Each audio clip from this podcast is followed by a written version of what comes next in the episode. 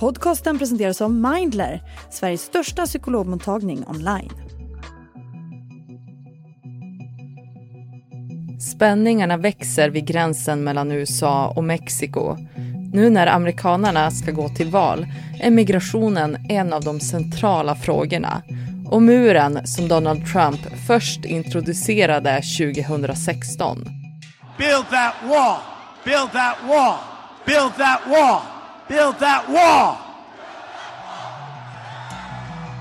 Ja, under tiden som Trump satt vid makten byggdes den uppmärksammade muren som blev en 720 kilometer lång barriär mellan grannländerna. Och den nuvarande presidenten, Joe Biden, lovade att inte bygga vidare en enda meter. Men i höstas kom han med nya bud with President Biden planning to now build more of the border wall, a major reversal from his campaign for president saying he would never build more of the wall. Människorättsorganisationer har kritiserat muren eftersom de anser att den inskränker mänskliga rättigheter.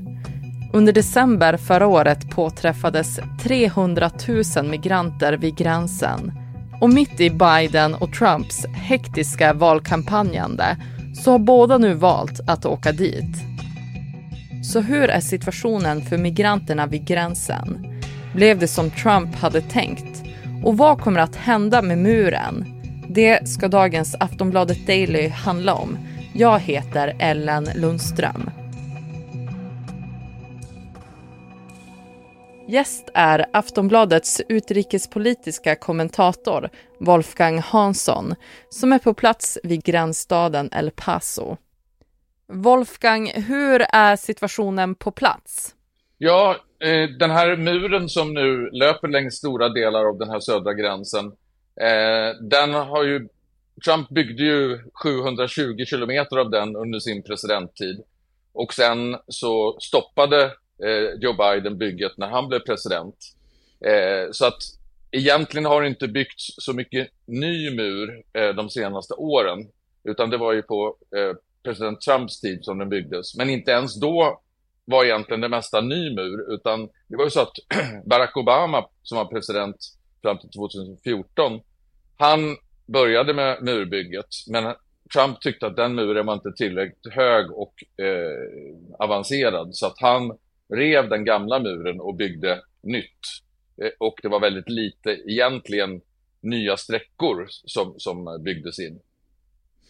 Varför vände Joe Biden gällande murbygget i höstas när han tidigare hade lovat att han inte skulle bygga vidare på den? Han har ju varit väldigt hårt pressad på grund av den enorma tillströmningen av flyktingar, eh, migranter, som har varit under hans presidentperiod. Och i början så försökte han vara mer välkomnande. Han ville liksom vara en eh, kontrast mot Donald Trumps väldigt tuffa attityd. Så han var lite mer välkomnande. Och det gjorde ju säkert att det var fler migranter som tog sig eh, till gränsen. Plus att det fanns en massa andra faktorer i, i närområdet i Latinamerika som gjorde att fler människor behövde eller ville fly eh, sina hemländer och ta sig in till USA. Men nu har det blivit en sån enorm tillströmning av människor och guvernören i Texas, han har satt i system att bussa eh, migranterna från Texas till stora städer i USA som Chicago och New York som, som kallas Sanctuary Cities. Och det innebär att de så att säga, tillåter flyktingar att komma dit och, och ger dem uppehållstillstånd. Men de har nu fått ta emot sådana enorma mängder så nu har New Yorks borgmästare sagt att det, det måste bli ett slut på det här. Eh, och det har gjort att pressen på Biden har ökat väldigt kraftigt, särskilt nu inför presidentvalet och han har liksom varit tvungen att visa att han är beredd att göra någonting för att stoppa den här okontrollerade invandringen. För Trumps tanke var ju att invandringen skulle stoppas med hjälp av den här muren. Men det verkar ju ha fått då motsatt effekt. Vad beror det på? Ja, det kan man verkligen säga att det har fått. För att eh, den här muren hindrar ju egentligen inte människor från att fly in i USA. Dels så är den inte heltäckande, det finns områden där, där det inte finns någon, stora områden där det inte finns någon mur överhuvudtaget. De är ju visserligen inte så tätbefolkade så att det är svårare att ta sig dit och ta sig över. Men, men det är ju det människor ändå gör. Men inte ens den här muren eh, hindrar folk från att ta sig över. För att eh, så länge du kan ta dig över eh, gränsfloden Rio Grande som går här i El Paso där jag befinner mig och tar dig över på den amerikanska sidan av floden, då är du formellt sett inne i USA. Och då kan du söka asyl. Så att, eh, eh, sen skickas ju en del människor tillbaka naturligtvis, men väldigt många får ju komma in och det är väldigt långa prövningstider för asyl nu i USA. Många får vänta två, tre år innan de får sin asylintervju. Och under tiden så kan de då, eh, även om det inte är legalt, så kan de ju ta jobb i USA och tjäna pengar. Och det är därför många kommer hit, liksom, för att få ett bättre liv. Det är ju torsdag när vi spelar in det här avsnittet och under dagen så kommer både Joe Biden och Donald Trump att besöka gränsen. Vad ska de göra där? Ja, det var ju så att Donald Trump hade bestämt att han skulle besöka gränsen och när Biden fick reda på det så bestämde han sig också för att besöka gränsen. Lite för att ta udden av eh, Trumps visit. För Trump vill ju använda den här gränsfrågan i valrörelsen. Det är ju hans viktigaste, eh, viktigaste argument för att eh, folk ska rösta på honom. Att han tänker sätta stopp för invandring och de deportera en massa asylsökande och så vidare. Och eh, Biden vill nu verka som att han har Eh, koll på läget och är beredd att agera och, och åker också till gränsen då för att liksom få ut sitt budskap om att han minsann försöker göra någonting åt det här. Och vi ska komma ihåg att Eh, Demokraterna hade ju lagt fram ett förslag eh, som de hade förhandlat fram med Republikanerna om att ge en massa pengar till ökad gränssäkerhet och för att stoppa invandringen. Eh, och det så hade ju Republikanerna först gått med på. Men sen när Donald Trump sa nej, det här förslaget är inget bra, då vände de plötsligt allihopa och röstade ner det här förslaget. Så att eh, han har ju en del argument i bagaget, Biden, som han kan använda. Jag och Wolfgang ska snart prata mer om migranternas situation vid gränsen. Vi är alldeles strax tillbaka. Flexibility is great. That's why there's yoga. Flexibility for your insurance coverage is great too. That's why there's United Healthcare Insurance Plans. Underwritten by Golden Rule Insurance Company, United Healthcare Insurance Plans offer flexible, budget friendly coverage for medical, vision, dental, and more. One of these plans may be right for you if you're, say, between jobs, coming off your parents' plan, turning a side hustle into a full hustle, or even missed open enrollment.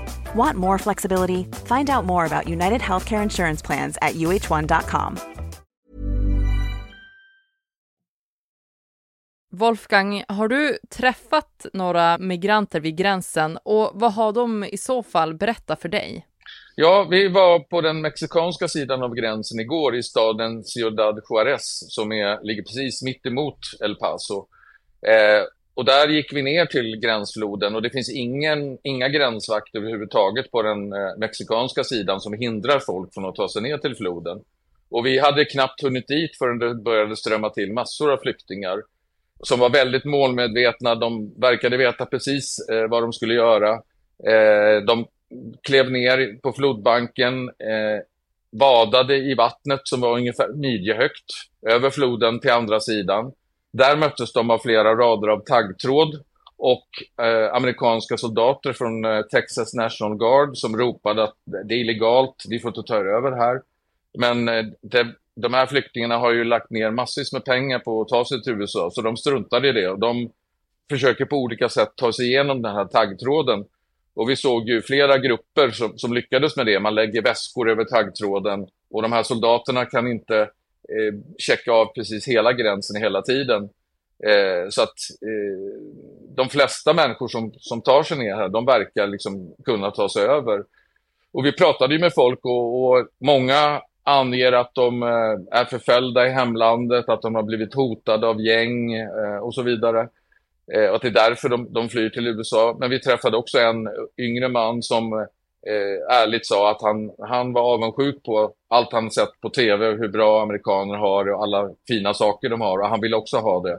Så att det var därför han hade kommit för att ta sig över till USA. Så att det, det finns många olika skäl. En, en del är säkert äkta flyktingar så att säga, men väldigt många är ju också då eh, vad vi skulle kalla ekonomiska migranter. Och vad väntar för dem sen, efter de har tagit sig över? Ja, de, de, när de väl har tagit sig över och, och, fram till den här gränsgrinden där de då släpps in några i taget och sen så eh, får de identifiera sig, man gör eh, bakgrundskontroller. De, ofta så får de tillbringa ett antal dagar eller en vecka inlåsta på ett eh, asylfängelse. Eh, om de då inte har någon brottslig bakgrund eh, så släpps de flesta av dem ut i USA och får då vistas i USA fram tills eh, de får sin eh, asylintervju. Och det kan som sagt vara många år framåt. Den här unge mannen vi träffade, eh, han eh, hade, skulle få sin eh, asylintervju om fem år. Eh, så att det, det, det lockar ju många att komma och söka asyl eftersom det är ett sätt för dem att få stanna åtminstone några år i USA. Eh, även om de sen inte får asyl i slutändan så hinner de ändå jobba några år, några år i USA och, och tjäna pengar. Joe Biden och hans regering överväger att skärpa lagarna för att färre migranter ska kunna komma in till landet vid den här gränsen, enligt källor till NBC. Varför det? Ja, det är ju för att uh, försöka minska antalet som kommer, men enda sättet att göra det uh, är ju också att samarbeta med Mexiko.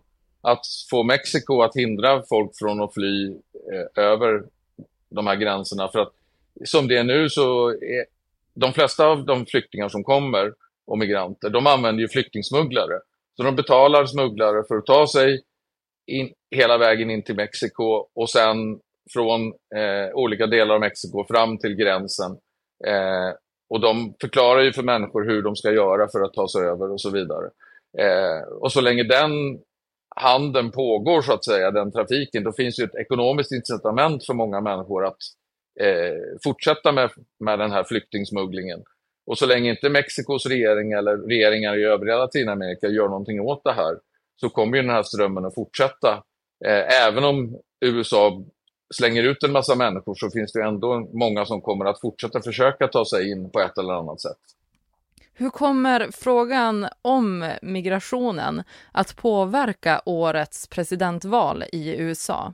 Ja, alltså när man pratar med människor här och med, med olika, lyssnar på olika bedömare så är det ju utan tvekan den absolut viktigaste valfrågan, möjligtvis vid sidan av ekonomin då. Eh, folk är Eh, upprörda över de här scenerna som man ser från gränsen där folk till synes, eh, så att säga, utan problem kan ta sig in i USA helt eh, utan att USA verkar kunna göra någonting åt det. Eh, det, det, skapar en känsla av otrygghet som, som påminner lite grann kanske om den känslan som var i Sverige i flyktingkrisen 2015 när vi till slut blev överväldigade av alla flyktingar som kom och, och vände och, och försökte sätta stopp för det. Och det är vad många amerikaner vill att man ska göra här också, men, men det är väldigt svårt eftersom USA utgör en så stor lockelse för så många människor. Och vad kommer att hända med muren? Ja, nu har ju Biden sagt att han ska använda de pengar som finns kvar allokerade till murbygget eh, för att bygga ut eh, delar av muren. Och det säger han att han gör därför att annars så kommer de här pengarna eh, bara att försvinna ur budgeten och inte komma till någon nytta. Så att han tycker att det är bättre att använda dem då till att bygga klart vissa delar av muren som där det fortfarande är helt öppet. Eh, och det här har han ju fått väldigt mycket kritik för, för han gick ju till val på att stoppa muren, stoppa bygget av muren. Och det gjorde han ju också till en början. Eh, det var ju Trump som började bygga den och, och dessutom sa då att det är Mexiko som kommer att få betala för muren. Det sa han ju i valrörelsen 2016. Men sanningen är ju att det är ju amerikanska skattebetalare som har fått betala för murbygget eh, helt och hållet. Mexiko har inte betalat en, en cent. Och Wolfgang, vad är det för intryck som kommer att stanna kvar hos dig efter ditt besök vid gränsen?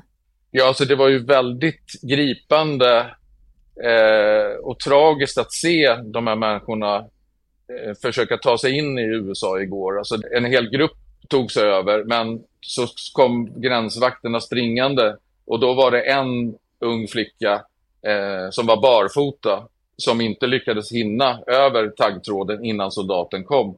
Och de som lyckades hinna över, de kunde springa upp till den här gränsgrinden och, och för att då söka asyl, medan hon, den ah, flickan som blev kvar, hon var ju tvungen att avvakta då och försöka ta sig över vid ett senare tillfälle. Så det är enorma tragedier som, som utspelas här varje dag Eh, längs den här floden och längs den här gränsen. Och vi ska komma ihåg att här i El Paso är ju bara en, en liten del av gränsen. Det här är ju en jättelång, flera hundratals mil lång gräns, eh, södra gräns i USA, där det på massvis med platser kommer över tusentals människor varje dag till USA.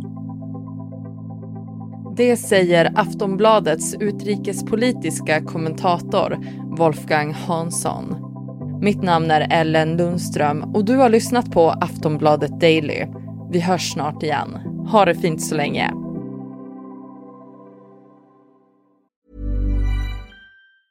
Normally, being a little extra might be a bit much, but not when it comes to healthcare. That's why United Healthcare's Health Protector Guard fixed indemnity insurance plans, underwritten by Golden Rule Insurance Company, supplement your primary plan so you manage out of pocket costs. Learn more at uh1.com.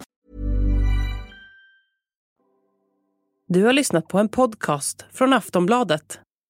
Ansvarig utgivare är Lena K Samuelsson. Tired of ads barging into your favorite news podcasts? Good news. Ad-free listening is available on Amazon Music. For all the music plus top podcasts included with your Prime membership.